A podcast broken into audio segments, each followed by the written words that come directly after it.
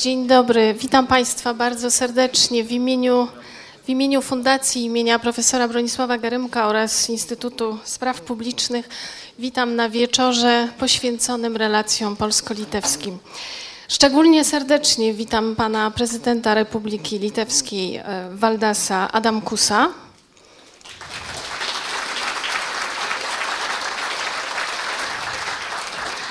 Panią ambasador Republiki Litewskiej Loretę Zakarewiczienę. Pana dyrektora Instytutu Spraw Publicznych Jacka Kucharczyka.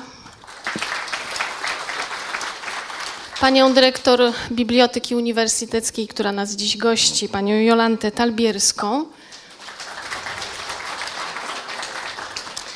Przedstawicieli partnerów biznesowych, którzy wspierali nas przy realizacji tego projektu oraz oczywiście wszystkich Państwa bardzo serdecznie.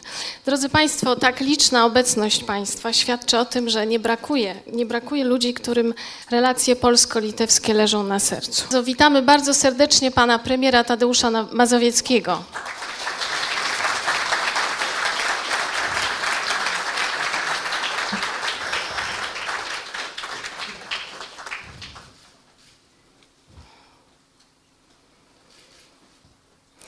To ważne zwłaszcza teraz, gdy w miejsce dawnego porozumienia wnika nieporozumienie, w miejsce dawnej ufności nieufność, gdy zamiast rozumu zaczynają rządzić wzajemne stereotypy. 13 stycznia 1991 roku, gdy na ulicach Wilna i pod wieżą telewizyjną toczyła się bitwa o niepodległość, z przesłaniem wolności i solidarności z Polski z Litwą przybył Bronisław Geremek. Przebywał w gmachu ówczesnej Rady Najwyższej, zagrożonej w każdej chwili atakiem sowieckich czołgów. I to paradoks, że o przyjaźń polsko-litewską jest dziś trudniej niż wtedy. By narody mogły się porozumieć, zacząć trzeba od obalania fałszywych stereotypów, zakłaniań i mitów tak też narodził się pomysł naszego badania, przeprowadzonego z inicjatywy Fundacji imienia Bronisława Gerenka przez Instytut Spraw Publicznych we współpracy z Instytutem Stosunków Międzynarodowych i Nauk Politycznych Uniwersytetu Wileńskiego. Wyniki badań o wzajemnym postrzeganiu się Polaków i Litwinów przedstawią za chwilę Państwu e, pani Agnieszka Łada i pan Jacek Kucharczyk. Bez wsparcia e, partnerów biznesowych jednak ten projekt, e, tego projektu nie udałoby się zrealizować, dlatego w tym miejscu chciałabym serdecznie podziękować partnerom projektu. Jest to firma PZU, Litewska Konfederacja Pracodawców Prywatnych, PKN Orlen, Enea oraz Litpong. I nie chodziło tu tylko, proszę Państwa, o wsparcie finansowe, ale w szczególności o bardzo autentyczne zaangażowanie i e, ogromny entuzjazm. Bardzo serdecznie Państwu za to dziękujemy.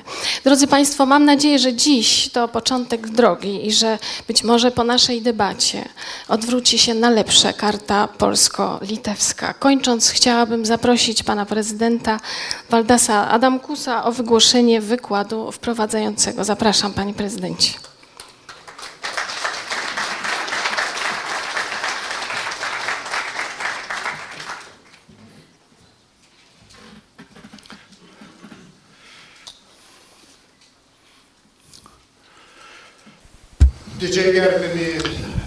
Wielce szanowni uczestnicy tej konferencji, a także goście. Bardzo miło mi uczestniczyć w tej zorganizowanej przez Fundację Bronisława Geremka i bardzo potrzebnej dyskusji. Nie wystarczy dzisiaj powiedzieć, że stosunki dwóch sąsiednich państw, członków Unii Europejskiej, są bardzo ważne dla ludności Polski i Litwy, z których wielu wiążą więzi rodzinne, przyjacielskie, zawodowe czy biznesowe albo wymiana kulturalna. Stosunki polsko-litewskie od samego początku znalezienia się naszych państw na mapie Europy nie jeden raz były tym kołem napędowym, które napędzało nowe polityczne i społeczne procesy, które z kolei miały wpływ na procesy geopolityczne całego starego kontynentu kontynentu. Niejednokrotnie nasze narody i państwa bezlitośnie potraktowały ciężkie koła historii, pozostawiając niezatarte ślady w naszej pamięci historycznej, w świadomości naszych narodów. Wszystko to utworzyło specyficzną tożsamość ludzi tego regionu, a losy jego narodów i poszczególnych osób nie jeden raz przekierowało na niespodziewane tory. Na tych ziemiach mieszkałem całkiem niekrótki okres czasu. Tak więc byłem i jestem świadkiem zarówno tych procesów, jak też ich uczestnikiem.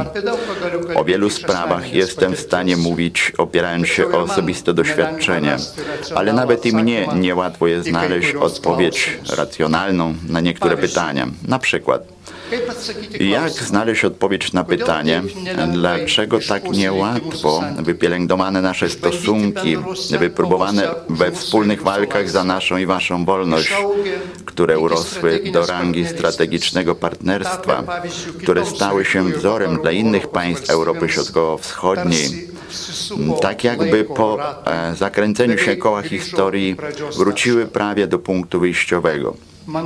Myślę, że tylko uczciwa, otwarta, samokrytyczna analiza może pomóc odnaleźć drogi prowadzące do przodu, a nie z powrotem.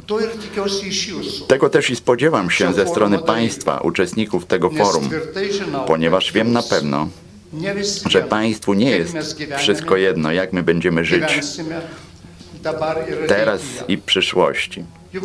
Wiem, że Państwu wystarcza i doświadczenie, i odwagi, żeby powiedzieć słowo prawdy.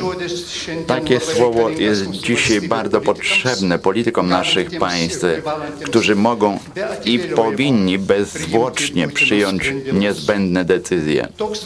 Takim odważnym człowiekiem był też profesor Bronisław Geremek, którego poznałem i z którym wspólnie planowaliśmy naszą przyszłość w Unii Europejskiej i NATO. W wyzwalającej się z uścisku totalitarnego Europie on był jednym z tych wspaniałych i, i głęboko myślących polityków. Bronisław Geremek pielęgnował ideę wolnej demokratycznej, zjednoczonej i rozwiniętej ekonomicznie Europy i całe życie o nią walczył. Będąc prawdziwym patriotą swojej ojczyzny, walcząc za wolność i dobro Polski, e, dążę również do wolności i niepodległości, do pełnoprawnego miejsca w nowej Europie, także dla innych państw naszego regionu, które rodziły się na ruinach obozu socjalistycznego trudnym dla Litwy okresie, kiedy po ogłoszeniu niepodległości 11 marca 90 roku nie od razu doczekaliśmy się wsparcia i uznania międzynarodowego ze strony najpotężniejszych państw. To właśnie politycy polscy byli bojownicy Solidarności. Lepiej niż ktokolwiek inny znali realną cenę demokracji i wolności. Oni szczególnie dobrze rozumieli to, że w warunkach złożonych niektórzy nawet mówią, że cudem, odrodzonym państwom dobre wzajemne stosunki są gwarancją ich stabilnej przyszłości.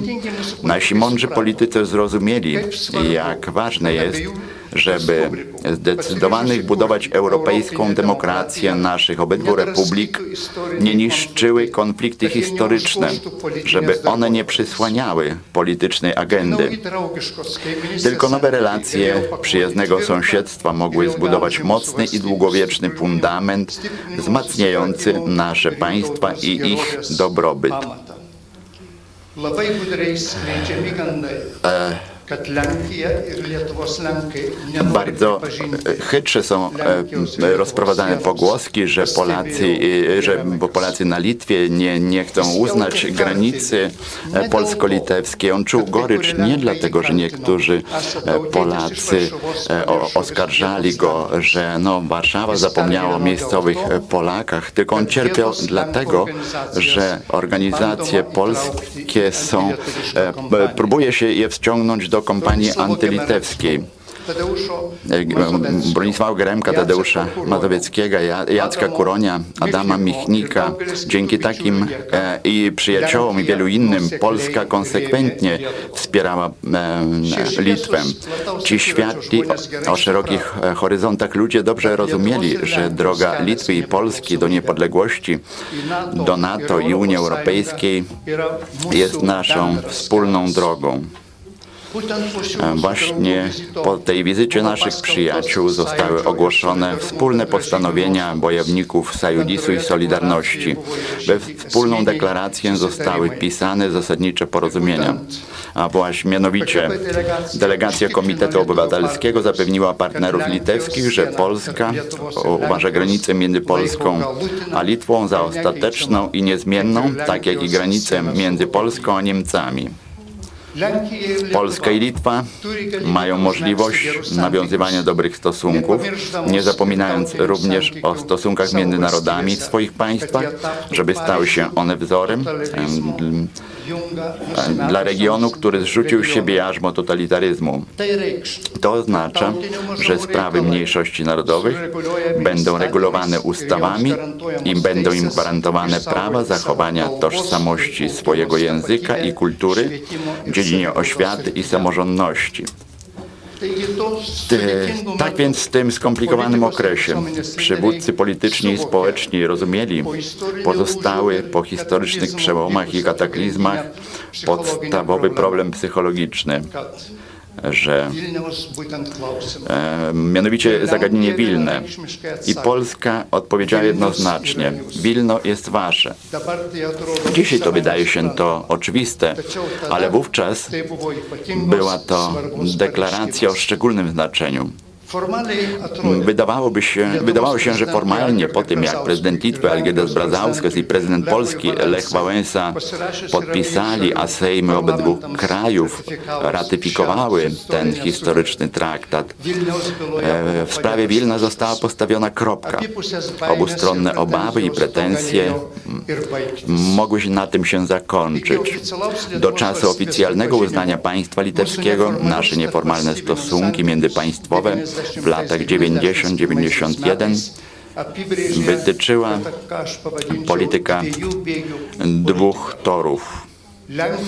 Polska w dalszym ciągu podtrzymywała stosunki ze Związkiem Sowieckim, ale nie rezygnowała ze współpracy z odradzającymi się państwami wzdłuż e, granicy Polski, mianowicie z Litwą, Łotwą, Estonią, Białorusią i Ukrainą. Przewodniczący Komisji Spraw Zagranicznych Sejmu Rzeczpospolitej Bronisław Geremek spotykał się z przedstawicielami wówczas jeszcze nieuznanej Litwy. To on oraz premier Polski Tadeusz Mazowiecki zadecydowali o tym, że już w czerwcu 90 roku odbyła się wizyta przewodniczącej Rady Ministrów Li Republiki Litwy Kazimiery Prunskiej w Polsce i została ona przyjęta w domu dla gości rządu polskiego. Wtedy po raz pierwszy naprzeciwko ambasady sowieckiej w Warszawie pojawiła się trójkolorowa flaga jeszcze oficjalnie nieuznanego państwa litewskiego. Ministerstwo Spraw Zagranicznych Polski doczekało się ze strony Związku Sowieckiego not protestacyjnych. Następne świadectwo serdeczności na tym etapie stosunków to ciepłe przyjęcie ministra Algirdasa Saudargasa w Warszawie. Po tragedii z dnia 13 stycznia 1991 roku w Wilnie. Polska wyraziła zgodę na to, że w razie potrzeby utworzenia rządu litewskiego za granicą działałby on w Warszawie. Polski Komitet Obywatelski ogłaszając, że wypadków z dnia 13 stycznia nie można traktować inaczej jak tylko brutalnej agresji potężnego państwa skierowanej przeciwko słabszemu sąsiedniemu państwu, pośrednio uznał państwo Litwy. To prawda, że państwo polskie wówczas nie ogłosiło żadnego oświadczenia. Myślę, że chyba można to zrozumieć. Mianowicie w Polsce ciągle jeszcze stacjonował duży kontyngent armii sowieckiej wówczas, a jeszcze większa liczba ich żołnierzy i techniki wojskowej przewalała się przez Polskę z Niemieckiej Republiki Demokratycznej. I chociaż Polska nie zgodziła się na otwarcie biura przedstawicielstwa Republiki Litwy, to taki specyficzny zamiennik ambasady, ale już w lutym 91 roku w Warszawie zostało otwarte biuro informacyjne Litwy i oficjalnie przybyli dwaj pierwsi dyplomaci odrodzonej Litwy. Przegrany pucz w Moskwie pod koniec sierpnia 1991 roku postawił kropkę wątpliwościom co do przyszłości regionu i w pierwszych dniach września Litwa i Polska nawiązały stosunki dyplomatyczne. W latach 92-97 stosunki stopniowo się rozwijały, mimo tego, że problemy praw mniejszości narodowych w dalszym ciągu często te stosunki zaostrzały. Na prośbę ministra Algirdasa Saudargasa polskie MSZ przedstawiło wykaz w którym były wymienione podstawowe problemy Polaków mieszkających na Litwie. 13 stycznia 1992 roku została podpisana wspólna deklaracja przyjaznych stosunków i sąsiedniej współpracy.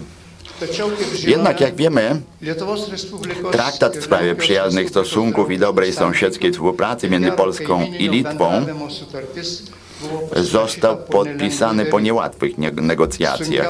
Najtrudniejsze były zagadnienia dotyczące akcji Żeligowskiego oraz ocena działań Armii Krajowej. I w tym miejscu znowu warto przypomnieć postać profesora Geremka. Kiedy podpisanie umowy zostało wstrzymane, w styczniu 1994 roku został zorganizowany okrągły polsko-litewski stół, przy którym Polską Unię Demokratyczną reprezentował Bronisław Geremek, Olga Krzyżanowska, Jacek Kuroń i inni politycy. W trakcie spotkania Bronisław Geremek zachęcił do jak najszybszego podpisania tego międzypaństwowego traktatu i wyraził przekonanie, że umocowana w traktacie zasada nienaruszalności granic w końcu pozwoli zakończyć spory e, natury historycznej. Po podpisaniu przez e, obydwu prezydentów 26 kwietnia 1994 roku tego historycznego traktatu na Litwie uważano, że tym został osiągnięty najwyższy punkt naszych stosunków, ponieważ nagromadzenie problemów pochodzenia historycznego oraz e, pojawiających się nowych nie pozwoli na stworzenie głębszej współpracy. Z tego powodu część polityków litewskich proponowała wstąpienie do struktur euroatlantyckich przez Skandynawię. Wkrótce jednak stało się jasne, że tradycyjne połączenie środkowej i północnej Europy biegnie przez Polskę Polskę i Litwę. Zrozumiano, że związki między naszymi państwami są zbyt ważne nie tylko dla nas, ale także dla całego regionu, żeby można było je ignorować. Ci, którzy ciskali nam przyszłość bałkańską, bardzo się pomylili. Politykom w Polsce i na Litwie wystarczył zdrowy rozsądek, żeby zrozumieć, jakim cennym kapitałem jest dobre sąsiedztwo i jak bardzo jest ono potrzebne obydwu krajom, które wstępują do NATO i Unii Europejskiej.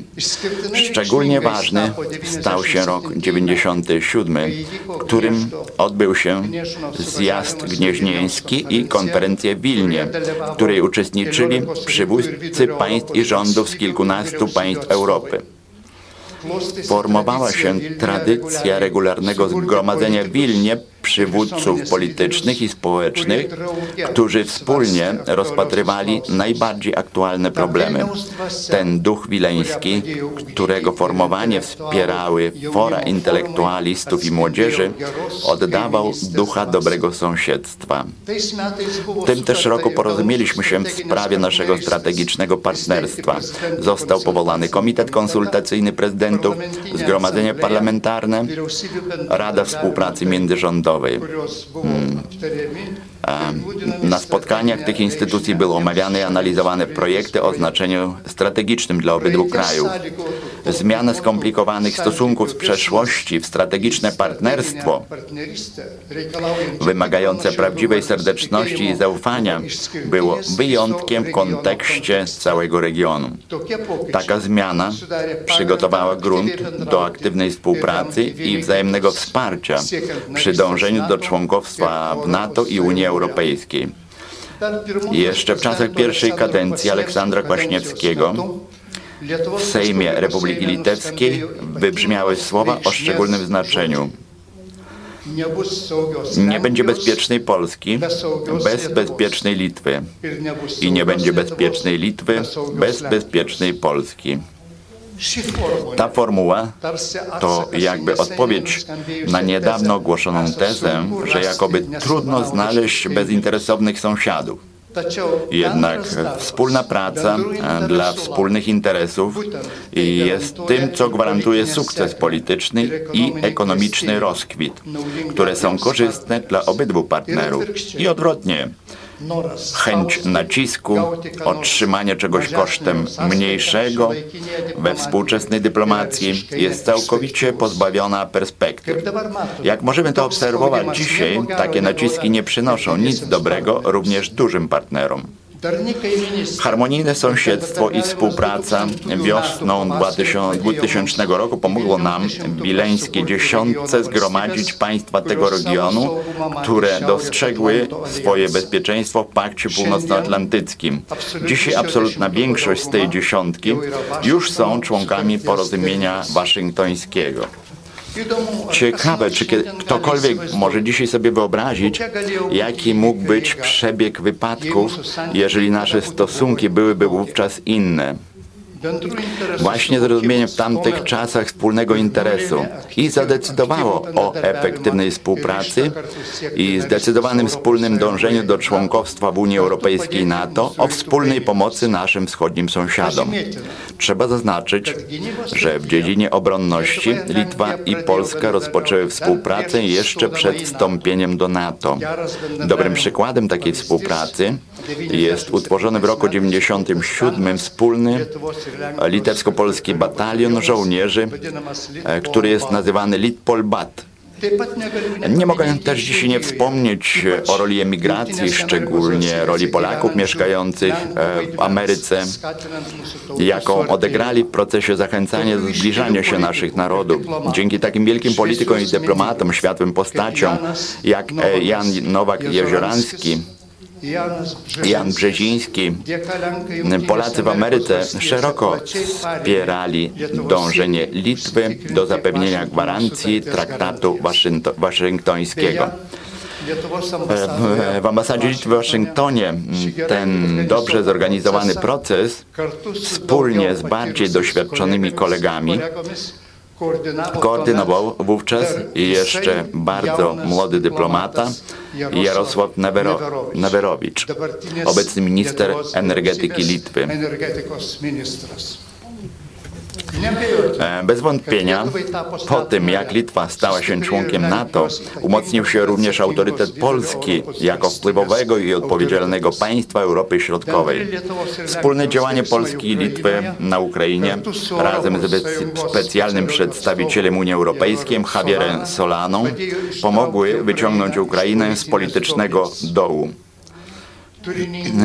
wypełnione treścią e, spotkanie i konferencje przywódców Polski i trzech państw bałtyckich, regularnie, regularne premierów i ministrów w Wilnie i Kłajpedzie w celu rozwiązania aktualnych spraw dotyczących infrastruktury transportowej, aktywna wspólna praca w państwach południowego Kaukazu tworzyły gęstą sieć współpracy, która wzmacniała tak gospodarki naszych krajów, jak też możliwości wspólnych działań w, w Unii Europejskiej. Dobrze pamiętam, że zarówno z prezydentem Aleksandrem Kwaśniewskim, jak i z prezydentem Lechem Kaczyńskim spotykaliśmy się pięć albo więcej razy w roku. Komitet konsultacyjny prezydentów stał się najbardziej efektywną instytucją współpracy. I takie pytanie powstaje, e, czyżby tragedia smoleńska, która zabrała ze sobą życie wielu naszych serdecznych przyjaciół, czy ona jest winna temu, że współpraca między Polską i Litwą zaczęła słabnąć? Jeżeli w 2004 roku z mojej prezydenta Kwaśniewskiego inicjatywy udało się podpisać deklarację zgody między weteranami oddziałów litewskich i Armii Krajowej, którzy kiedyś nie uniknęli nawet zbrojnych starć, to, e, to dlaczego teraz kiedy nasze narody mogą bezpiecznie rozwijać swój dobrobyt w przestrzeni euroatlantyckiej, nie udaje się uniknąć choćby wojny słów. Jestem przekonany, że problemy mniejszości narodowych można i należy rozpatrywać merytorycznie, bez ostrych emocji i wywołującego je upolitycznienia. Takie problemy nie powinny warunkować współpracy w dziedzinie polityki zagranicznej ani współpracy gospodarczej. Pod tym względem pewne szczególne państwo pod naszym bokiem nie powinno być przykładem ani nam, ani innym państwom Unii Europejskiej. Mam nadzieję, że i ostatnie nieporozumienia biorą się nie z perspektywy polityki zagranicznej, nie z chęci pójścia różnymi drogami, ale od pytania, co tak naprawdę się stało. Nie uciekniesz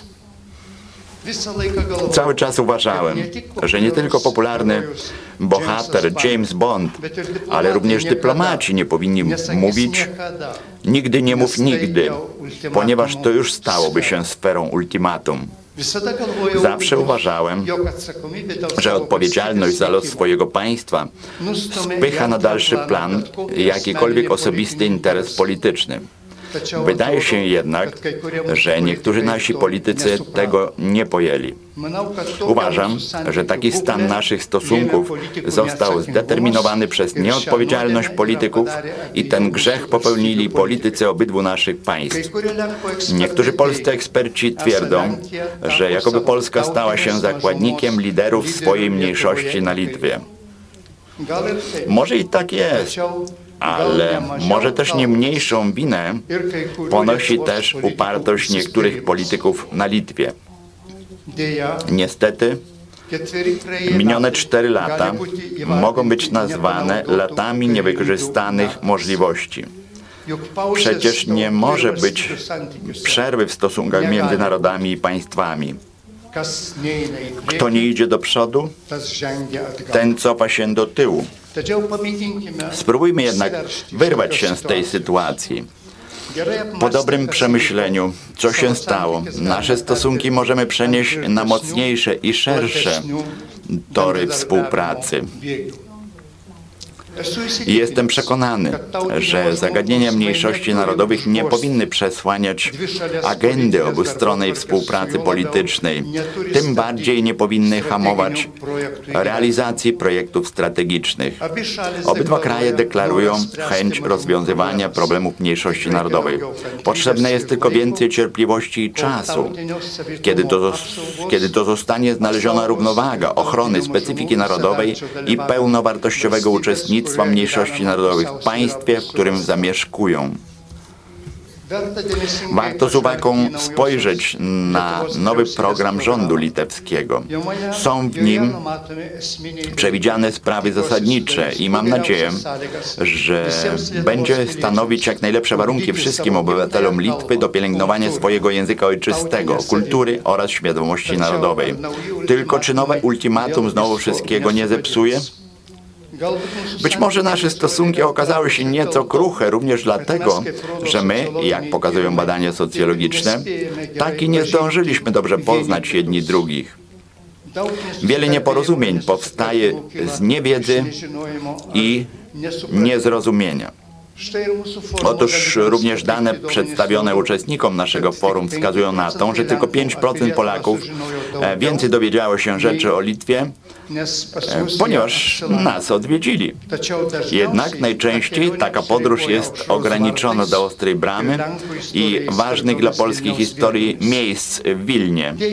Niestety, również podróże Litwinów po Polsce często kończą się w najbliższych centrach handlowych, a w celu poznania kultury sąsiedniego kraju, szczególnie współczesne jego osiągnięcia, udają się tylko sporadycznie entuzjaści oraz zawodowcy z poszczególnych dziedzin swojej działalności. Dlatego konieczne jest zwrócenie jak największej uwagi na budującą naszą przyszłość młodzież. Może udałoby się nam zachęcić młodzież na Litwie i Polsce do porozumienia się między sobą nie tylko po angielsku czy rosyjsku, ale także w językach najbliższych sąsiadów Unii Europejskiej. Niestety nawet nie rozpoczęto poważnie zastanawiać się nad moją propozycją, żeby jak najszybciej budować szybką kolej Warszawa-Wilno, żeby można było dojechać do obydwu stolic w ciągu paru godzin. A jednak ważny Również ważny projekt Rail Baltica gdzieś się zaklinował. W miejscu stoi również budowa Via Baltica, zatopiona w bagnach nie tylko rozpudy, ale też pogarszających się naszych stosunków. Gdybyśmy szybciej przełączyli się do nowoczesnej infrastruktury Unii Europejskiej, moglibyśmy bardziej efektywnie wykorzystać przymioty swojego położenia geopolitycznego na korzyść postępu gospodarczego i społecznego. Bardzo daleko jeszcze do pełnego wykorzystania możliwości aktywniejszych działań w realizacji programu Partnerstwa Wschodniego Unii Europejskiej. W bieżącym roku, kiedy Litwa obejmuje prezydencję w Radzie Unii Europejskiej, ściślejsza nasza współpraca przyczyniłaby się do zajęcia większej niszy w płaszczyźnie stosunku Unii Europejskiej i Stanów Zjednoczonych z państwami wschodniej Europy. W dzisiejszej Europie współpraca regionalna nie traci na znaczeniu. Myślę, że nie powinniśmy zamykać się w jednym wąskim polu swoich interesów politycznych czy gospodarczych, ponieważ to tylko zmniejsza możliwości rozwoju ekonomicznego, społecznego i politycznego naszych państw. Współdziałanie Litwy i Polski jest ważnym ogniwem również przy wzmacnianiu współpracy między państwami bałtyckimi państwami Grupy Wyszehradzkiej, która powinna otrzymać nawet impulsy w zmieniającym się kontekście Unii Europejskiej i świata. Szanowni Państwo, Polska obejmuje pozycję lidera w regionach wschodnim i środkowym, dlatego zrozumiałe jest jej dążenie do dołączenia do klubu państw wielkich. Jednak przywództwo Polski nie będzie prawdziwe bez dobrych stosunków z Litwą. Myślę, że dyskusja typu, a komu te stosunki są bardziej potrzebne, Litwie czy Polsce, jest bezowocna. W tym miejscu jeszcze raz chciałbym przypomnieć mądre słowa Bronisława Garemka. Niepodległość Litwy jest również gwarantem demokracji w Polsce. Jeśli dobro naszych narodów, przyszłość naszych państw i demokracji są dla nas ważne, to zachęcam do zebrania się razem i do poszukania odpowiedzi na wszystkie pytania. Dyskutujmy, proponujmy, pytajmy i odpowiadajmy co my razem możemy zrobić, żeby w swoim domu, w swoim państwie, w swojej Europie Polak, Litwin, Białorusin, Żyd, Ukrainiec czy Rosjanin, żeby każdy nasz człowiek czuł się dumnie i godnie. Żeby nasi ludzie nie musieli szukać szczęścia na obczyźnie. Jestem przekonany, że razem możemy wiele. Dziękuję za uwagę. Państwa bardzo serdecznie witam na ostatniej części tego dzisiejszego spotkania. E, ostatniej, ale oczywiście e, nie najmniej znaczącej, ponieważ będzie to dyskusja panelowa e, której uczestników chyba nie muszę Państwu przedstawiać. Niemniej jednak jest to mój obowiązek, w związku z czym zrobię to. I rozpoczynając od y, naszych gości z Litwy, pragnę przedstawić y, siedzącego po mojej lewej stronie y, pana Rimvidasa Walatkę, którego którego ja dobrze znam z codziennej prasy litewskiej, y, natomiast y, Państwo oczywiście też najprawdopodobniej znacie go z mediów. Y, jest on publicystą, redaktorem naczelnym gazety 15 minut Pękiolika Minuciu i jednocześnie jest jednym z sygnatariuszy aktu przywrócenia państwa litewskiego. Nasz drugi gość litewski to jest pan Vladas Sirutavicius. Um, doktor nauk historycznych Uniwersytetu Wileńskiego, na którym miałam przyjemność też studiować i który specjalizuje się w relacjach etnicznych w Europie Wschodniej. Nasi polscy goście, też Państwu dobrze znani, profesor Tomasz Nałęcz, doradca prezydenta Rzeczypospolitej Polskiej, do spraw historii dziedzictwa narodowego i pan profesor Jan Widacki. Pan, pan profesor jest adwokatem, ale też e, warto dodać, że był um, um, oczywiście ambasadorem Rzeczypospolitej Polskiej w Wilnie, w związku z czym zna też tę tematykę polsko-litewską e, z autopsji. Mam Mam ogromny zaszczyt, żeby znaleźć się w takim gronie tutaj dzisiaj i y, nie zamierzam absolutnie odbierać temu gronu y, czasu, który poświęcą na skomentowanie i raportu, i zaprezentowanie swojego zdania na temat relacji polsko-litewskich.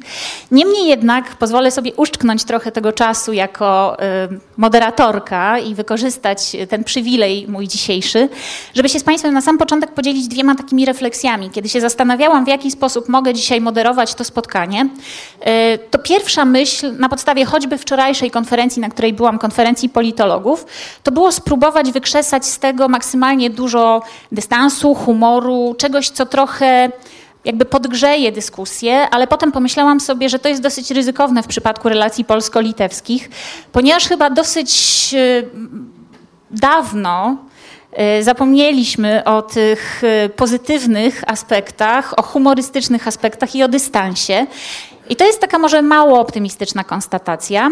Natomiast bardziej optymistyczna konstatacja wiąże się z moimi osobistymi przeżyciami. Mianowicie bardzo się ucieszyłam y, z tego, mm, z wyników raportu, które dotyczyły y, podejścia Litwinów do posiadania syna, y, synowej, przepraszam, lub zięcia Polki lub Polaka, ponieważ sama jestem dobrym tego przykładem i bardzo się cieszę, że moi teściowie się znaleźli w tych 70% akceptujących Polkę, tak, czy Polaka jako zięcia lub synową. Bardzo mnie to cieszy, tym bardziej, że pan prezydent Adamkus w swojej książce, książce, którą napisał z żoną, wspomina o swoim przyjacielu, który y, chyba do końca życia swojej matki nie ujawnił się jako mąż uroczej Włoszki, ponieważ matka nie akceptowała małżeństwa z nielitwinką, więc tym bardziej cieszę się, że ta sytuacja się zmieniła i w dniu dzisiejszym jednak wygląda trochę bardziej pozytywnie. Jeśli będziemy szli jakby co, coraz bardziej w tym kierunku, to myślę, że niedługo ta akceptacja będzie zupełnie pełna. E, to tyle, jeśli chodzi o drugą pozytywną konstatację, drodzy Państwo. A teraz nie zamierzam, tak jak mówiłam, zbyt dużo czasu e, kraść panelistom. I zwrócę się może najpierw do mm, naszego gościa z Litwy, do pana doktora Sirutawiciusa, ponieważ ciekawi mnie, czy pana jako historyka e, drażni a może właśnie ciekawi, nie wiem, w jaki sposób Pan do tego podchodzi, kwestia upolitycznienia wzajemnych polsko-litewskich relacji, zwłaszcza, że bardzo często w dyskursie politycznym wykorzystywane są argumenty historyczne. Czy nam się to jeszcze kalkuluje, żeby takich argumentów używać i czy muszą to robić politycy, dlaczego to robią, czy wykorzystują te argumenty instrumentalnie i czy społeczeństwo to jeszcze obchodzi tak naprawdę, bo y, wyniki raportu wskazują, że wcale nie aż tak bardzo. E, Ačiū labai. Dziękuję bardzo. Przed e, tym, jak udzielę odpowiedzi, mała taka, mała taka e, uwaga. Ja jestem z Instytutu Historii e, Litwy i pracuję również na uniwersytecie. Bardzo chciałbym podziękować organizatorom, którzy mnie zaprosili i tym ludziom, którzy przeprowadzali badanie, ponieważ to badanie jest bardzo ciekawe i szczególnie e, w tym kontekście w jakim pani zadała pytanie, jak, jaką rolę odgrywa historia. E, jeżeli chodzi o e, stosunki, ich postrzeganie, to chyba nie jest to duże wrażenie, duży, duży wpływ. Jeżeli z innego punktu widzenia patrzeć na to, jako jak historyczne przypadki wpływają na dwudziestolecie, ostatnie dwudziestolecie dwóch krajów, jak działają na polityków, to powiedziałbym, że miało dość znaczny wpływ to wszystko. To jest paradoks. Ludzie statystyczni widocznie są bardziej pragmatyczni, racjonalni. Ich stosunek do historii jest jakby prostszy niż polityków, dla których historia i argumenty historyczne są bardzo dużym e, resursem, e, zasobem e, politycznym i widocznie dlatego tak często historia jest wykorzystywana w różnych dyskusjach politycznych, a również i w stosunkach międzypaństwowych. I stosunki polsko-litewskie od 88 do 94 roku, te, który, o których więcej wiem, jest dobrym przykładem. I zarówno E, podczas przygotowania e, umowy traktatu z 1994 roku, jak ta umowa była przygotowywana, jak ona urodziła się, było bardzo dużo ciekawych e, rzeczy z tym związane. No, ciekawych to widocznie w cudzysłowie. Ja myślę, że przede wszystkim ambasador to bardzo dobrze zna te rzeczy. Ja nie będę powtarzał się. Rzeczywiście takie sprawy regulując stosunki międzypaństwowe nie, po, nie pomagają. Te e, stosunki są często polaryzowane, e, różne. Każdy ma e, swój identytet narodowy. I gdzie sprawdzić cokolwiek jest bardzo trudno, gdzie nie do przyjęcia jest krytyczne spojrzenie.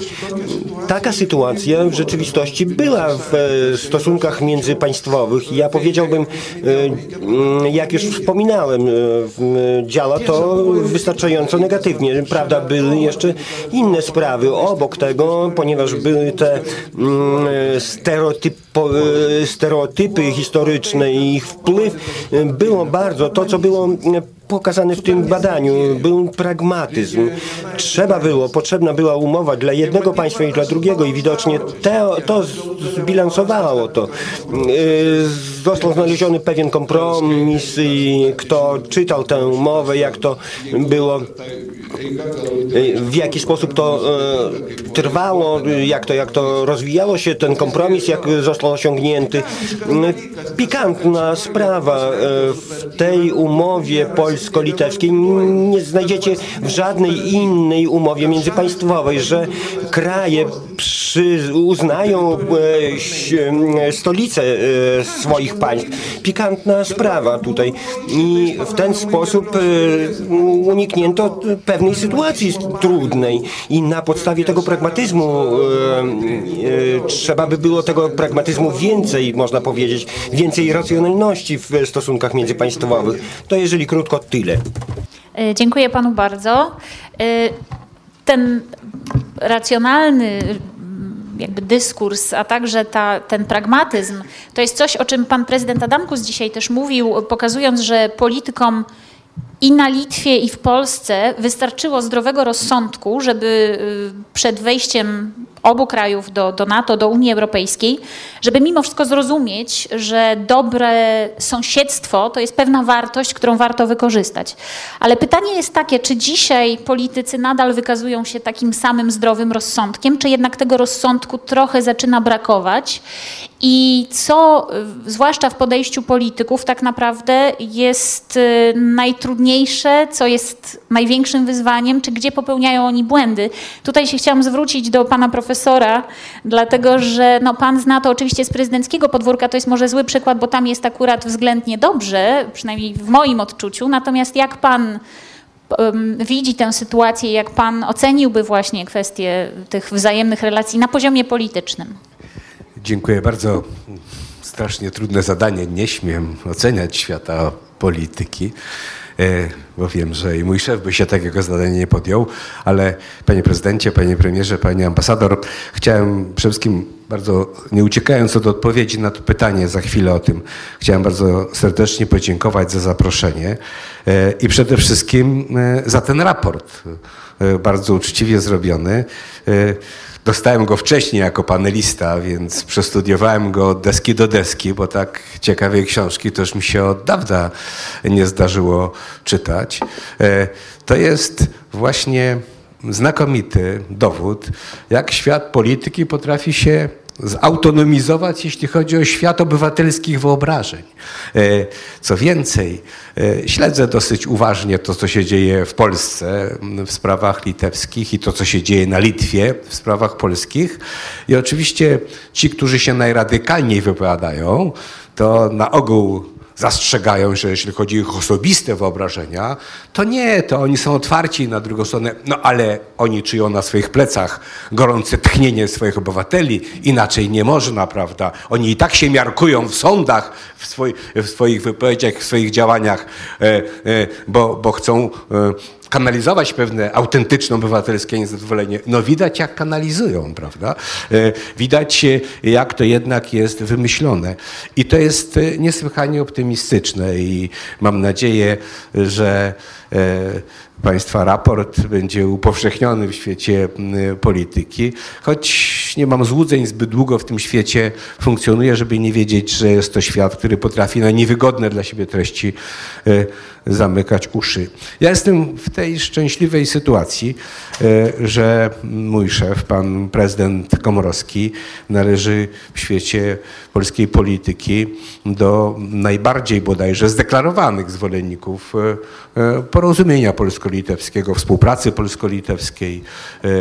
Ostatni przykład był pan prezydent Komorowski 16 lutego w Wilnie z okazji Dnia Niepodległości i wcale tutaj nie szukał jakiejś symetryczności w świecie dyplomacji na ogół przestrzeganej. Rozumiał, że pani prezydent Grybauskajty nie mogła być 11 listopada w Warszawie, po to rzeczywiście był bardzo gorący czas dla Litwy po wyborach, formowanie rządu. Jest u prezydenta Komorowskiego wielka determinacja, jeśli chodzi o mm, przywrócenie tego dawnego klimatu, e, tego dawnego wspierania się z pierwszych lat e, e, polskiej odzyskanej suwerenności i niepodległości litewskiej, czyli z lat 90., o czym dzisiaj tak bardzo pięknie mówił pan prezydent Adamkus.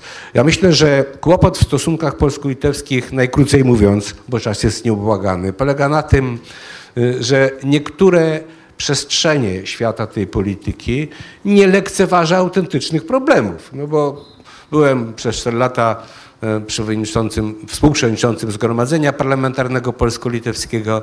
No i wiem, ile żeśmy tam przelewali z pustego w próżne w sprawach realizacji polsko-litewskiego traktatu i tego, o co e, my Polacy mamy do naszych litewskich partnerów pretensje, o co oni mają do nas pretensje, więc nie lekceważę tego. To musi oczywiście być załatwione i to przy dobrej woli będzie załatwione, ale myślę, że przede wszystkim, jak szukam na swój prywatny użytek odpowiedzi, Dlaczego chociaż było tak pięknie i ciągle mogłoby być tak pięknie i ciągle obydwa kraje mogłyby tylko korzystać e, e, z wzajemnego strategicznego partnerstwa. Dlaczego są te zgrzyty, dlaczego na tym niebie się pojawiają chmury, to myślę, że to jest właśnie taka pokusa e, pewnego kłusowania w sytuacji absolutnego bezpieczeństwa i spokoju.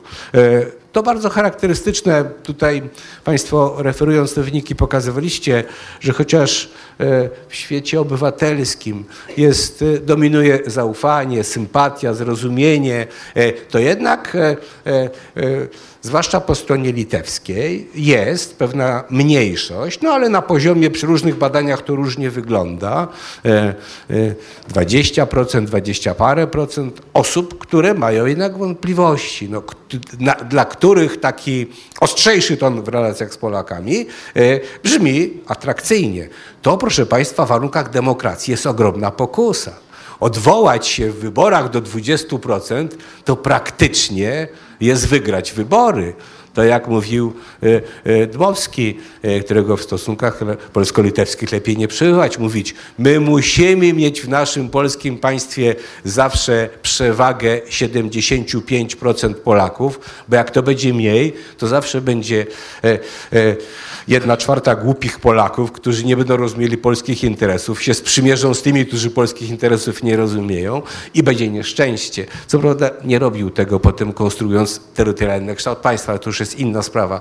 Więc y, ja myślę, y, że zwłaszcza po stronie litewskiej, za chwilę o stronie polskiej, jest pewna pokusa odwołania się do tych obaw, lęków, niechęci tych 20%, bo 20% to sobie może dyktatura zlekceważyć, bo wypiąć się plecami albo i czymś gorszym przez dyktaturę na 20%, dyktatury się wypinają na znacznie większe odsetki społeczeństwa, ale w społeczeństwie demokratycznym sięgnąć po 20%, nawet za pewien radykalny, skrajny, przesadzony kurs, to jest wielka atrakcja. E, e, I ja widzę taką pokusę. Po stronie polskiej nie dlatego, że jesteśmy lepsi, tej pokusy jest mniej, tylko bo to jest mniej atrakcyjne wyborczo. E, u nas tego typu pokusy świetnie widać, e, proszę Państwa, w relacjach polsko-niemieckich. U nas jak idą jakieś wybory, to część radykalnych polskich polityków, jak Kania Dżdżu, czeka na jakieś zachowanie niemieckie, a niech jakiś polski sąd, jakieś Niemce dom odda, no to cały klub potrafi wyjechać do tego domu, okopać się tam na tym podwórku i myśleć, będziemy cię, będziemy was tu bronili do końca. Miną wybory, pies klawonogo się nie interesuje, komornik przychodzi, przepędza te rodziny, ale patriotyzm wykazano.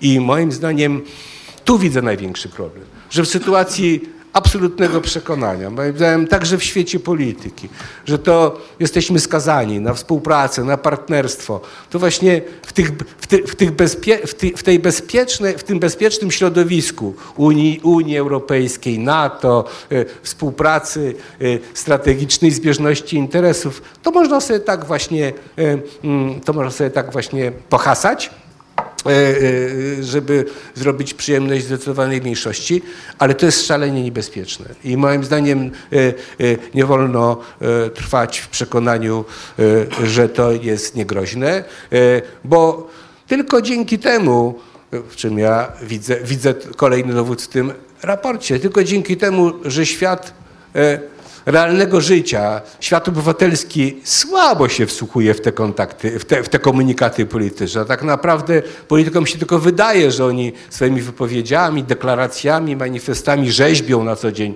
przekonania obywatelskie. Nie. Widać, jak to potrafi po społeczeństwach spływać jak po kaczce w większości, właśnie po wyniku państwa badań. Ale to nigdy nie jest tak, że to pozostaje bez śladu. Jeśli jednak nie zaczniemy dostosowywać działań polityków, e, oficjalnych, polskiej, e, litewskiej polityki do tych wyobrażeń obywatelskich, to prędzej czy później ta przecie, przeciekająca tama świata polityki zacznie zawilgacać świat obywatelskich wyobrażeń i wtedy się zaczną nieodwracalne procesy.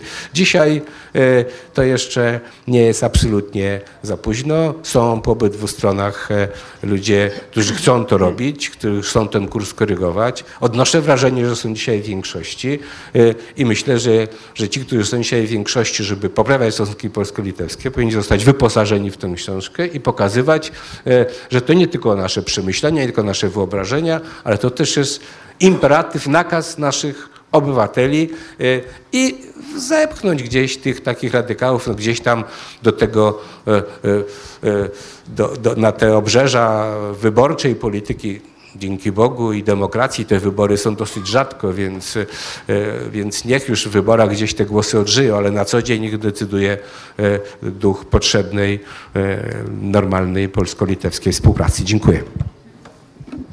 Dziękuję bardzo panie profesorze. Y, przyznam szczerze, że mnie jako politologa pańskie słowa y, z jednej strony odrobinkę y, dziwią, ale z drugiej strony bardzo się cieszę, że zostały wypowiedziane, mianowicie, żeby społeczeństwo za, za bardzo nie słuchało polityków, bo to się czasami niezbyt dobrze kończy, więc myślę, że to jest jeden z tych przykładów akurat, kiedy kiedy warto zastosować pańską radę. Natomiast y, wydaje mi się, że sytuacja polskiej mniejszości, czy fakt, y, że polska mniejszość w tej chwili wysuwa takie, a nie inne postulaty polityczne, to jest jednak mimo wszystko dowód na to, że trochę społeczeństwo się w tych polityków wsłuchuje, bo te postulaty, które są teraz wysuwane przez polską mniejszość, mają nie tyle dużo wspólnego z polskimi interesami, przynajmniej to jest y, moje zdanie, ile bardziej z obietnicami wyborczymi złożonymi właśnie przez akcję wyborczą Polaków na Litwie. Więc tutaj y, myślę, że to jest też pewna, pewne pole do dyskusji.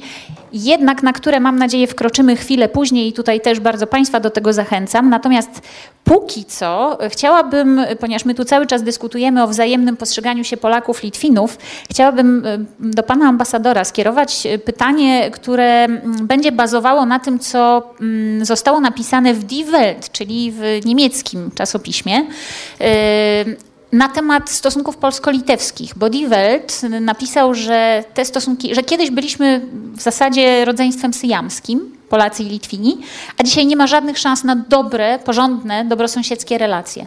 Czy rzeczywiście nie ma żadnych szans, czy jednak pan ambasador widzi to trochę inaczej, trochę bardziej optymistycznie, bo tam jest podawanych mnóstwo argumentów, że jednak mimo wszystko te relacje nie są wcale takie, y, czy nie, nie, będzie takie to pozytywne i takie optymistyczne. No, dziękuję bardzo. Ja żyję dostatecznie długo, żeby pamiętać okres, kiedy te stosunki były lepsze, czyli mogą być lepsze. Ale chciałbym jeszcze nawiązać do tego, o czym mówił pierwszy z panelistów, czyli do traktatu. Nawet ma chyba taki obowiązek, bo tak sobie myślę, minister Zakrzewski już nie żyje, minister Meller nie żyje, już tych świadków negocjacji po naszej stronie jest coraz mniej. I może pewne rzeczy trzeba przypomnieć, one nie były spisywane, nie były opowiadane. Problem z, negocjacją, z negocjacjami traktatu był taki, że strona litewska jako punkt wyjścia przyjmowała konieczność wpisania do preambuły traktatu potępienia agresji żeligowskiego, dosłownie tymi słowy to nazywano. To było dla nas nie do przyjęcia z wielu powodów. Po pierwsze, to było stanowisko historiografii litewskiej, niekoniecznie polskiej, więc niby dlaczego w traktacie mamy się opowiadać po jakiejś stronie historiografii. Po drugie, to pociągało za sobą konsekwencje i polityczne, i prawne polityczne, bo Polacy, jeżeli byśmy uznali tą agresję Żeligowskiego i okupację Wileńszczyzny, to siłą rzeczy przyznalibyśmy, że aktualnie Polacy na Wileńszczyźnie to są potomkowie okupantów. Co więcej, był problem odzyskiwania ziemi przez Polaków, no to tutaj można by znowu mieć wątpliwości, czy wobec tego wyroki sądów okupacyjnych są ważne. Więc to z wielu powodów było nie do przyjęcia. Poza tym uważaliśmy, że naprawdę traktat międzypaństwowy nie jest y, środkiem do regulowania sporów historycznych. Wynegocjowaliśmy tyle, że będziemy traktat negocjować niejako y, od, od pierwszego artykułu, zostawiając preambułę, do której wrócimy na koniec. To trwało długo. Negocjacje traktatu były, każda runda negocjacji była wydarzeniem politycznym na Litwie. Gazety o tym pisały na pierwszych stronach, w Polsce niekoniecznie. Nawet nie wiem, czy bywały wzmianki krótkie, że tam się kolejna runda odbyła. No i jedna rzecz, o której o, nie będę mówił o całym traktacie, proszę się nie niepokoić, ale jeden artykuł z tego traktatu jest szalenie ważny, bo on ciągle wraca, tylko w postaci karykaturalnej. Otóż był problem właśnie pisowni nazwisk i używania nazwisk w brzmieniu i pisowni. I chcieliśmy tak zapisać, że przedstawiciele mniejszości mogą używać nazwisk, bo obu stronach, w brzmieniu i pisowni języka ojczystego. Ale językoznawcy nam zwrócili uwagę, że to nie jest takie wcale proste, bo czasem się trzeba zdecydować, czy brzmienie, czy pisownia. Żeby nie tracić na to czasu, w traktacie zapisano, że można używać nazwisk w brzmieniu języka ojczystego, a pisownie ureguluje odrębna umowa. Strona litewska dała sobie wmówić, że ma to załatwić jednostronnie i ciągle się broni. Ja nie wiem, dlaczego tak się broni. Obrona jest prosta. Strona polska nie przedstawiła też projektu tej umowy od 1994 roku. Bo taką, to jest, to jest problem trudny językoznawczy. No. Ale myśmy nie przedstawili też takiego projektu. Gdybym tak z przewrotności adwokackiej, gdybym ja miał coś Litwinom doradzać, to mówił, proszę bardzo, zwracajcie się do strony polskiej, niech przedstawi projekt umowy, będziemy negocjować. Natomiast ciągle słyszymy, że Litwini tego problemu nie załatwili. Nie, nie załatwiliśmy wspólnie, to jest zobowiązanie wynikające z traktatu, do tej pory niewykonane. I teraz jeszcze, panie profesorze, ta historia z tym potwierdzeniem stolic. To już był taki moment, bo to troszkę takie, no, kuriozalne, prawda? Gdyby, gdyby na przykład y, Rzeczpospolita chciała y, przenieść stolicę z powrotem do Krakowa, to musiałaby poprosić Litwę o zgodę. Gdyby Litwa chciała przenieść stolicę, nie wiem, do Kowna czy Połągi na przykład, też musiałaby zapytać Polskę o zgodę. No jest to kuriozum, ale skąd to się wzięło? To jest to, co zostało z tej, z tej agresji Żeligowskiego, żeby jakiś ślad był. No to już dla świętego spokoju zgodziliśmy się na taki nieco kuriozalny zapis, który stronę litewską satysfakcjonował, a nam już naprawdę było e, wszystko jedno. To tyle, jeśli chodzi o historię. Natomiast jeśli chodzi o współczesność, ja ten, ten raport dostałem tu od, od Państwa z Instytutu e, Spraw Publicznych w formie elektronicznej, ja go przejrzałem i muszę powiedzieć, że on jest zgodny z moimi intuicjami. Czy co przeciętny Polak wie o Litwie? No coś tam wie o Jagiele, o ile go kojarzy. Coś słyszał o Unii Lubelskiej, o której w Polsce się mówi dobrze. Nie wie, że na Litwie akurat to jest inaczej odbierane. No, Barbara Radziwiłłówna ekscytuje i no, film był, bo to tam książek ludzie mniej czytają, ale film był, to pamiętają, tak, jakaś romantyczna miłość króla, zresztą w pełnym przekonaniu etnicznego Polaka, bo oczywiście jak byli etnicznymi Polakami, to przeciętny Polak wie. No coś tam jeszcze, ktoś może jak czytał Ogniem i Mieczem, to coraz mniej czytałem, to Longinus pod Bipięta tam jeszcze, potem Pan Tadeusz. To jest ta wiedza ze szkoły. Polacy na Litwę nie jeżdżą, bardzo mało Polaków jeździ na Litwę, zresztą to z tych badań widać, więc jakichś osobistych doświadczeń nie mają. To są te echa tej szkoły, a potem w gazetach czytają, że na Litwie jest prześladowana polska mniejszość.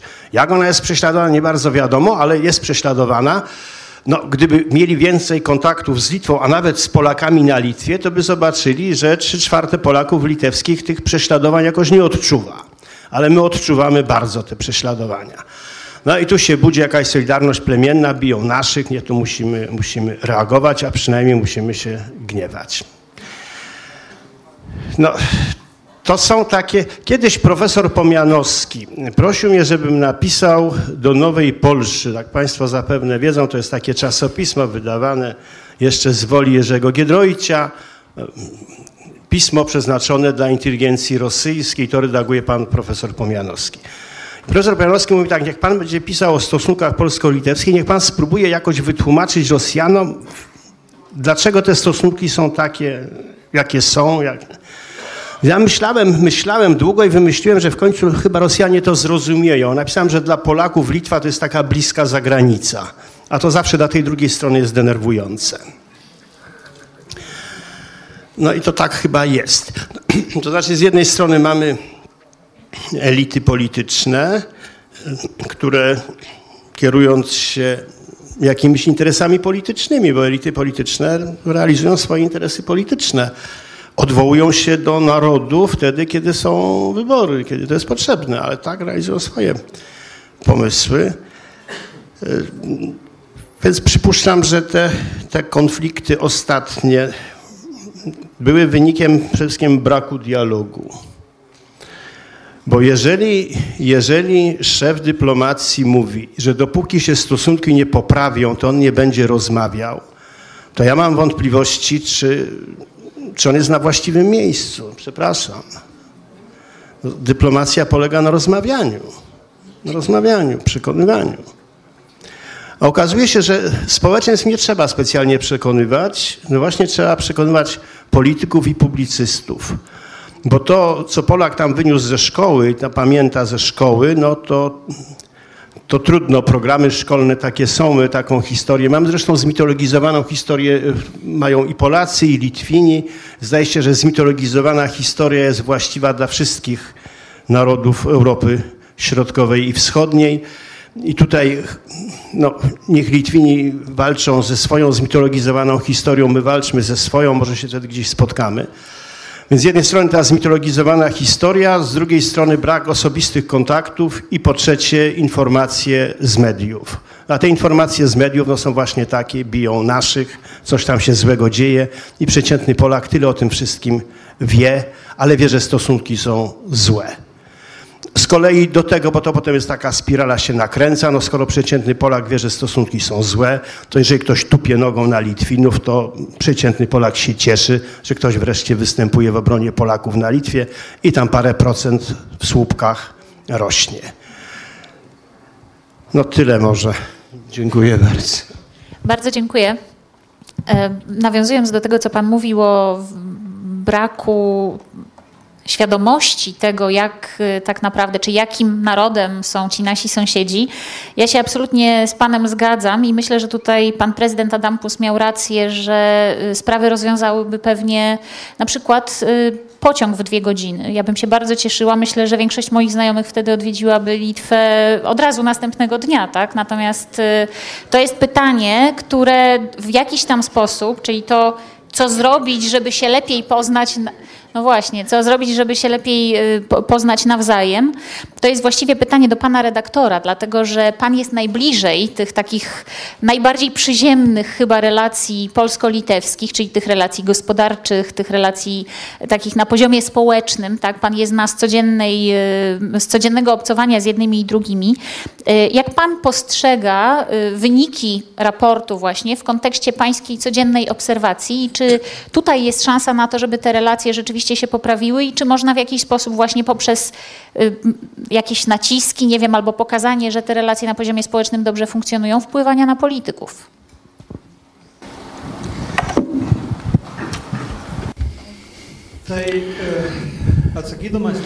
Odpowiadając prosto na pytanie, muszę powiedzieć, że to badanie, to wyniki tych badań są kilka razy lepsze niż e, sytuacja.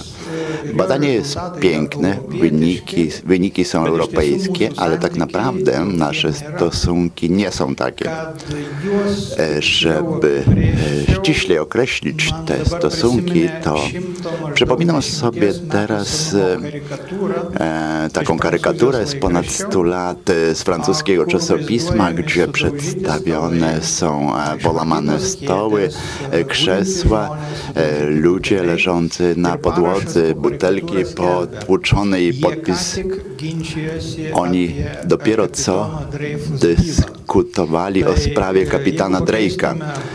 To jeżeli zmienilibyśmy napis i napisaliśmy, że dopiero co Litwini dyskutowali, czy pozwolić Polakom na Litwie, na Litwie, Polakom na Litwie pisać ich literami, to może taki obraz by był. Myślę, że 20% nie więcej byłoby tych, którzy e, dopuściliby ten double, e, żeby Polacy na Litwie używali.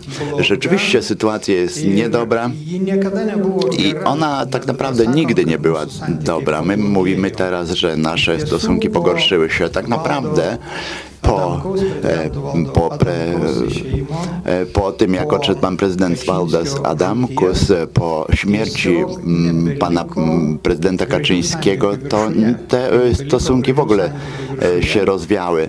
Nie pozostało dobrych stosunków tam na górze i nic nie przykrywa tego już, co było na dole. O tym można byłoby rozmawiać, o tym, dlaczego tak jest. A i niektóre sprawy, nawet niektórym Litwinom są niezrozumiałe. Ja jestem Żmudzinem. I, i, i stosunki polsko-żmudzkie były bardzo dobre zawsze. A żaden bojar żmudzki nie, wy, nie wynarodowił się.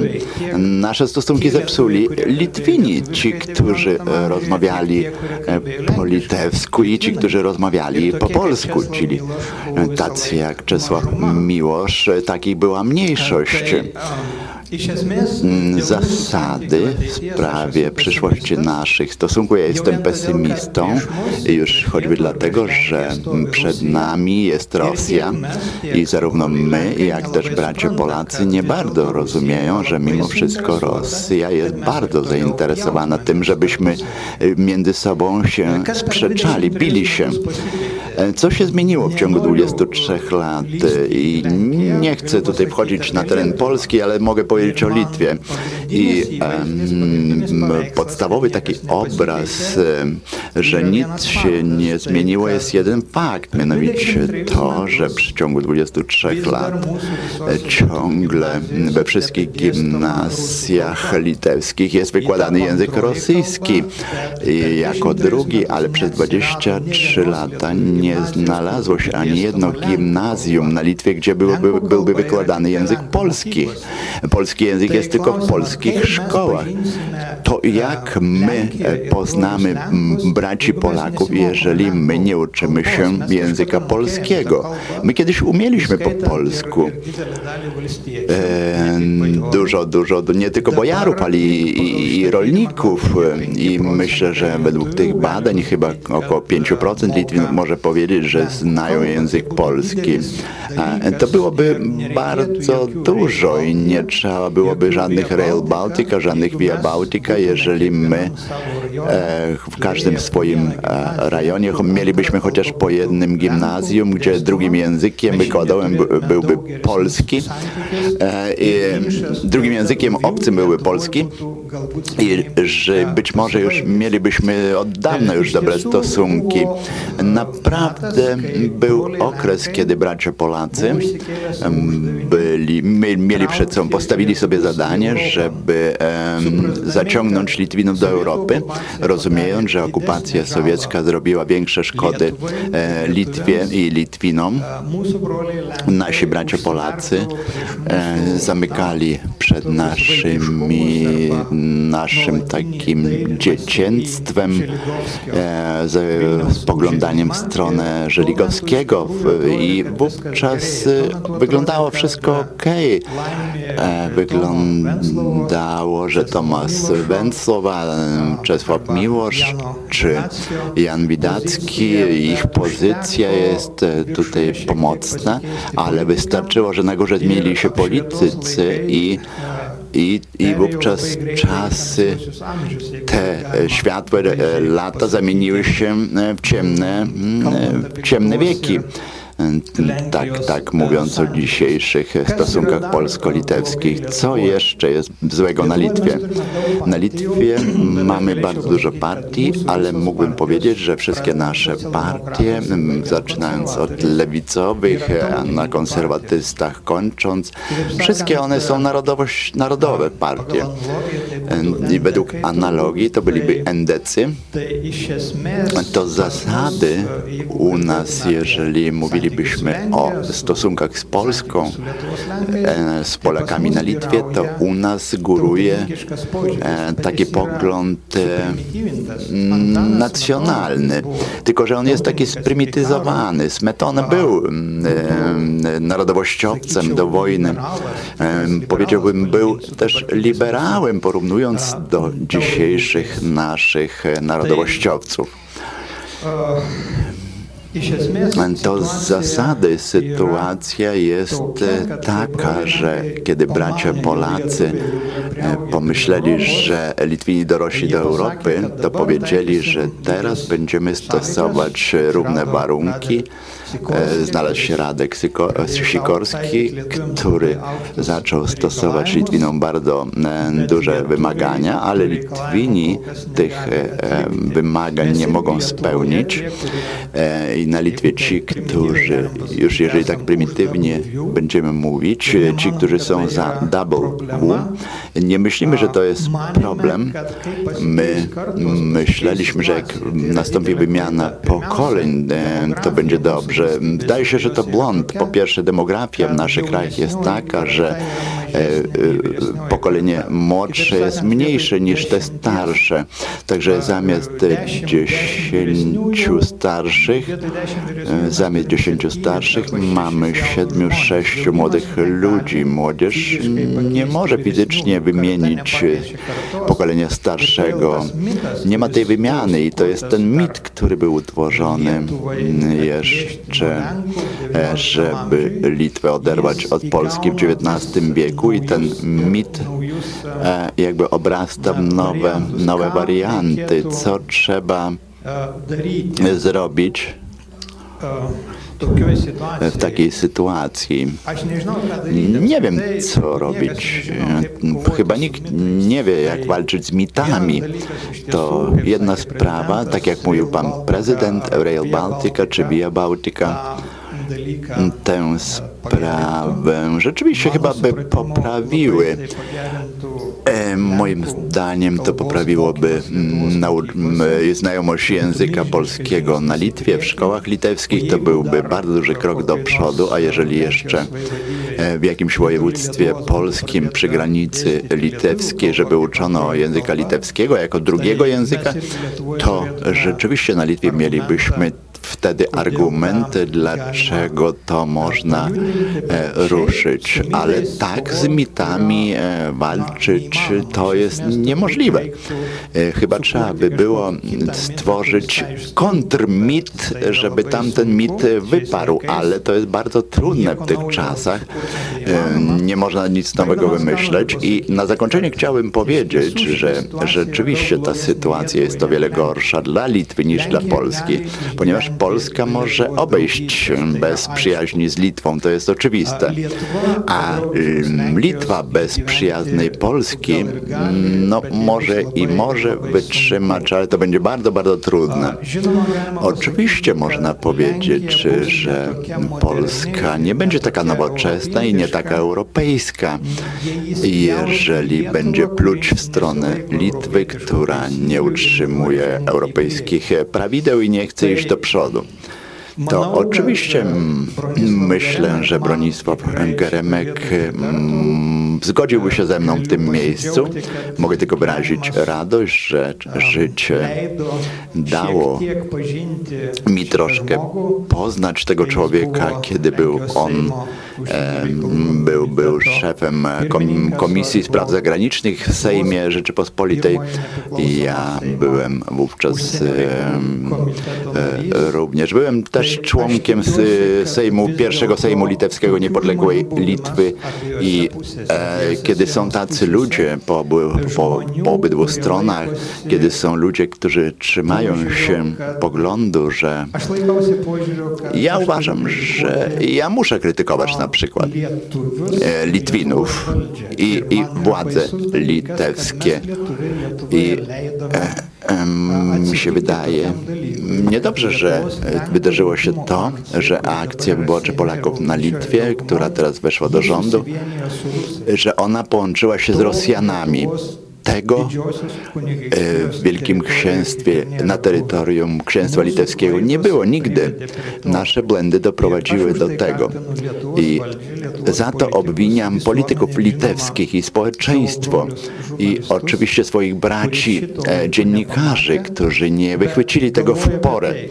Ale myślę inaczej, że dopóki po obydwu stronach granicy będą ludzie w Polsce na przykład, który, którzy będą krytykować Polaków za to, co robią niedobrze, a na Litwie będą ludzie, e, którzy będą krytykować władze litewskie, Litwinów, że robią źle, to e, znaczy w stosunkach z mniejszościami narodowymi, w ogóle e, w stosunkach między państwami, tym większe szanse, że ten mit odziedziczony z końca XIX wieku, na początku XX, że ten mit pewnego dnia być może uda się przypadkowo, przynajmniej jeżeli nie pokonamy, to zapomnimy. Bardzo dziękuję. Z tego, co Pan mówi, Panie... Panie redaktorze, jawi się taki obraz y, no, oczekiwania wobec Polski, że będziemy rzeczywiście trochę bardziej odpowiedzialni za tę naszą przynajmniej część y, relacji polsko-litewskich.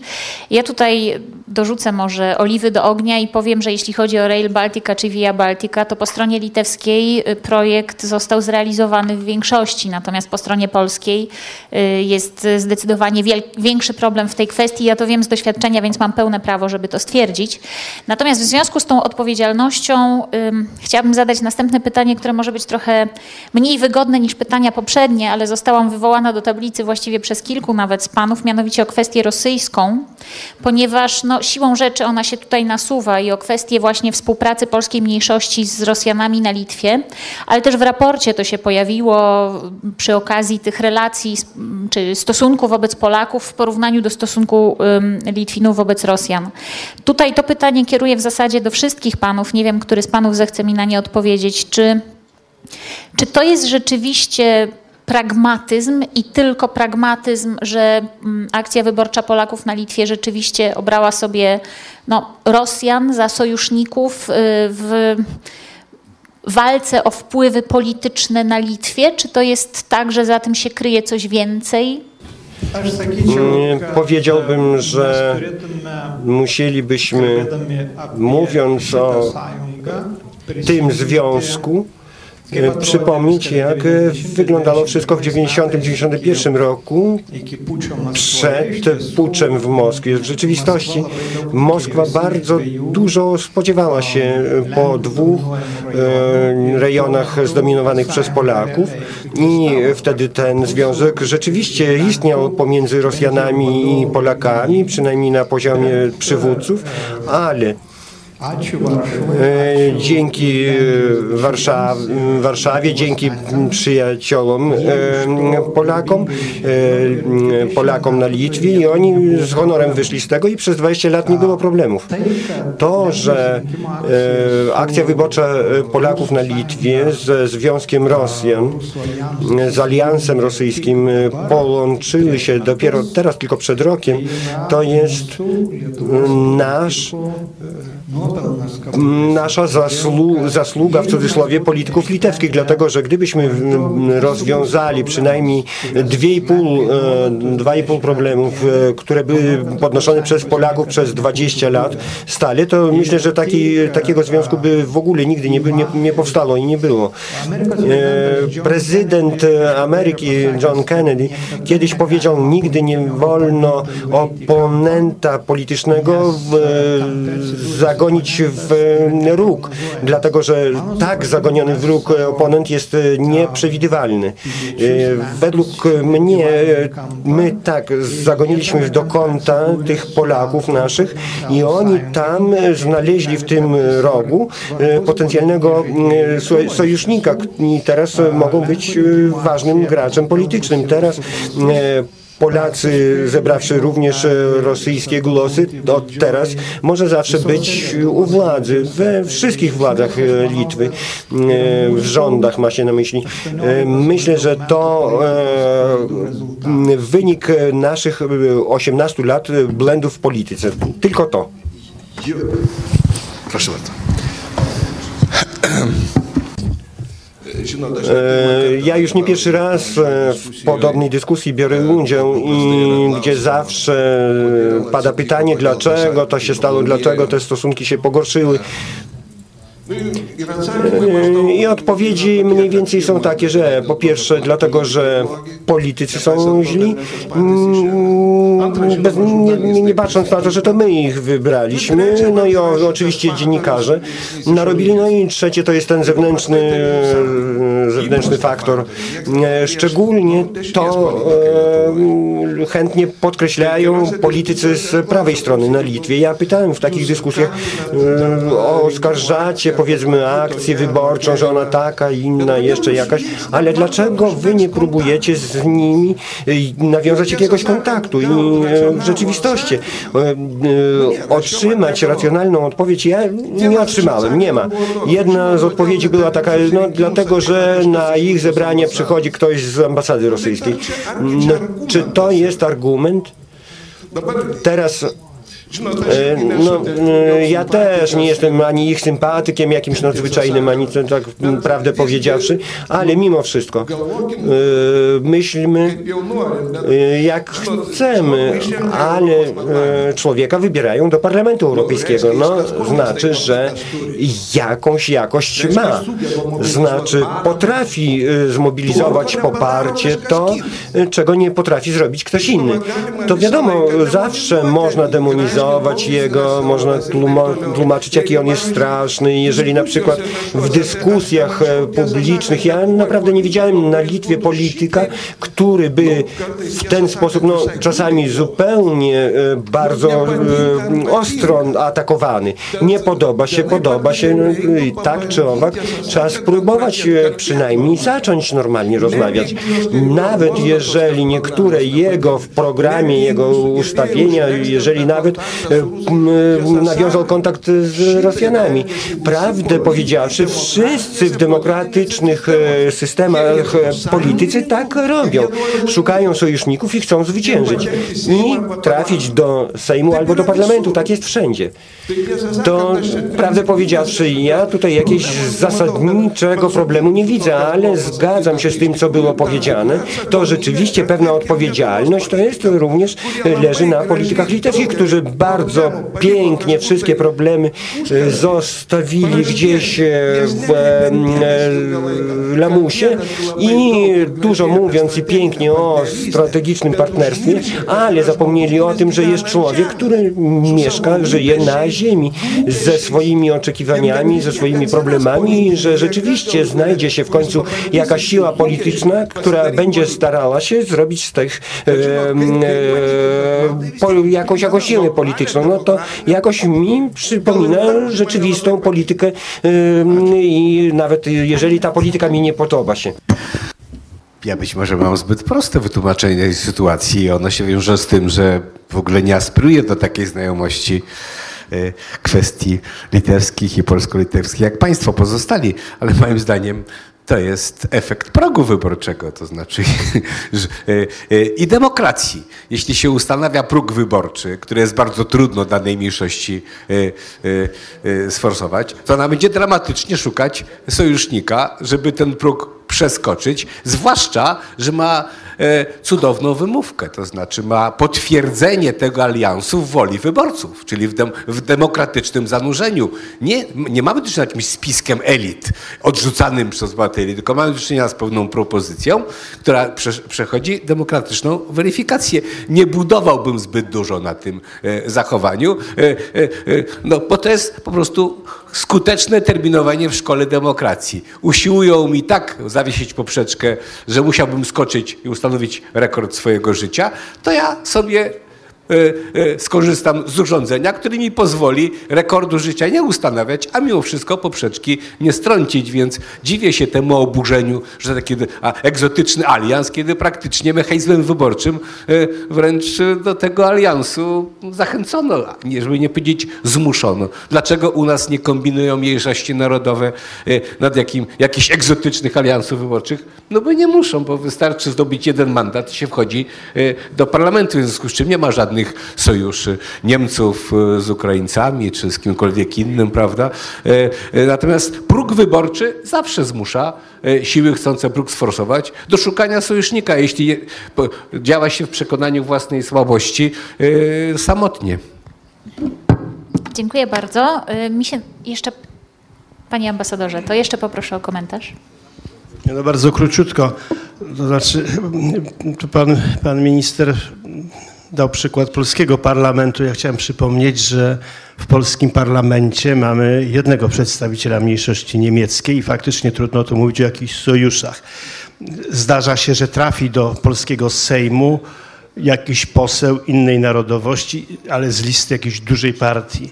Natomiast preferencji wyborczych dla mniejszości u nas no, też nie ma takich, żeby można było no, no jest, no, no, no progu nie ma, progu nie ma, ale jest... Yy,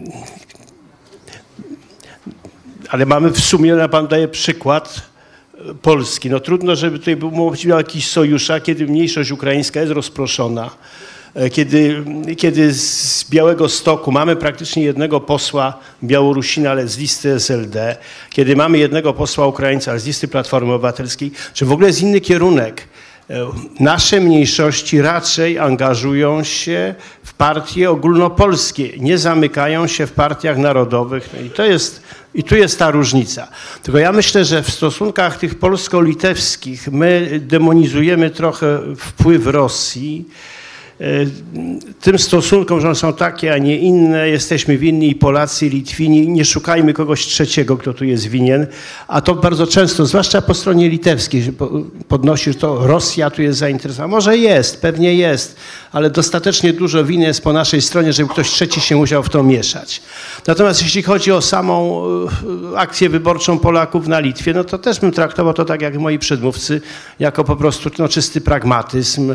Nie widziałbym w tym nic nic złego. I jeżeli nie będziemy tych Rosjan demonizować, to, to na tym pragmatyzmie się to powinno skończyć. No. Dziękuję bardzo. Dziękuję bardzo. Y, tak mi się nasunęło a propos tego, dlaczego w Polsce mniejszości nie szukają sojuszników, y, nawiązanie do raportu. Może dlatego, że mniejszościom, a zwłaszcza mniejszości litewskiej, no bo o niej tutaj mówimy, jest względnie dobrze w Polsce. I tutaj moje ostatnie pytanie tak naprawdę, względnie, no bo wyniki badania to pokazują. Moje ostatnie pytanie przed przejściem do dyskusji do, do panów y, byłoby takie, jak byście skomentowali właśnie wyniki tego badania, że mniejszości tak naprawdę w mniejszym stopniu postrzegają ten y, pro, swój własny problem tak naprawdę i to, że są, no, powiem przesadnie może, ale uciskane czy gnębione w porównaniu do tego, jak to wygląda w relacjach między Warszawą a Wilnem, tak? Bo, bo tak naprawdę trochę nam się jawi taki obraz y, z wyników tego raportu. Jakbyście się do tego panowie odnieśli? Nie chciałbym y, polemizować z pani sądem, że Litwinom w Polsce jest dobrze, ale pamiętam y, doskonale, bo byłem jedną z osób organizujących y, wizytę prezydenta Komorskiego w Puńsku, czyli w litewskiej gminie.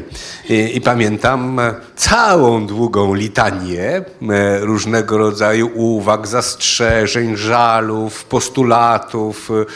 Sam byłem zaskoczony, jak wiele. Myślę, że że mimo wszystko ten obraz e, e, w raporcie jest prawidłowy, e, bo i Litwini w Polsce, i Polacy na Litwie to poczucie zadowolenia biorą z pewnego realizmu, co można osiągnąć w tej rzeczywistości. Gdyby mieli odnosić do, do wyobrażenia o rajskim bytowaniu w danym kraju swoim, to pewnie tych zastrzeżeń byłoby więcej. Ale to trochę tak jak stosunki z teściową. Jak na stosunki z teściową, bardzo dobrze, prawda? Dziękuję bardzo. Teraz moje ostatnie pytanie, czy panowie chcecie jeszcze coś dodać? Gwoli podsumowania, ostatnie refleksje. E, chciałbym się zgodzić, e, kiedy utworzyliśmy forum, e, fundusz, Fundację Giedroycze, to na Litwie członkowie tego, tego fundacji udali się do Sołecznik. My dużo jeździliśmy, spotykaliśmy się z miejscowymi, z dyrektorami szkół, z samorządami, z radami itd. I po kilku godzinach takich rozmów pierwsza myśl, która mi przyszła do głowy, to była śmieszna i bardzo przyziemna, e, że kiedy siedzimy po, przy stole, to my rozmawiamy i wiem, że ja jestem e, Litwinem, a przede mną siedzi e, podobny człowiek, chociaż obydwoje jesteśmy e, rolnikami. Jedni i drudzy chcą żyć lepiej, mieć więcej pieniędzy, e, więcej wolności i tak naprawdę jeżeli nieobecna komunikacja, żeby nadać znaczenie e, jakiemukolwiek rytmowi stosunków, to być może nie byłoby aż tak źle, tylko że naszymi czasy komunikacja jest taka szybka, że, e, że gracz nieuczciwy może z pudełka zapałek e, może zrobić całą furę drewna. I rzeczywiście to widać e, wśród dziennikarzy na Litwie i też po stronie polskiej. Oni, ci e, dziennikarze mają bardzo dużą odpowiedzialność, jak my będziemy to przedstawiać rzeczywiście, jak to wygląda w rzeczywistości. Tak naprawdę my bardzo podobni jesteśmy. My mamy takie same braki, jak i Polacy. Ačiū labai. Panie, panie doktorze? Jo, E, Jeszcze raz chciałbym podziękować za to, że zaprosiliście mnie tutaj i prawdę powiedziawszy powiedzieć, że ta część badania, która była o mniejszość e, polską, jej priorytety, powiedzmy na Litwie, e, najbardziej mnie to zadziwiło. E, Z tej większej ilości odpowiedzi, które jest 50 albo 60%, mm, możesz zrobić, e, wyciągnąć wniosek, że ludzie chcą jednego, żeby byli słyszalni, żeby politycy potrafili domówić się i żeby nie było konfliktu. Prawdę powiedziawszy, to, co najczęściej można zobaczyć w gazetach, dyskusjach polityków, tam e, pojawia się mm, jako ostatnie w tych wszystkich odpowiedziach. To jest poważny sygnał dla polityków ze wszystkich stron. E, Słyszeć, co myślą, co mówią ten, e, ci prości ludzie żyjący na ziemi. Dziękuję bardzo. Bardzo dziękuję naszym panelistom w takim razie za wszystkie wypowiedzi.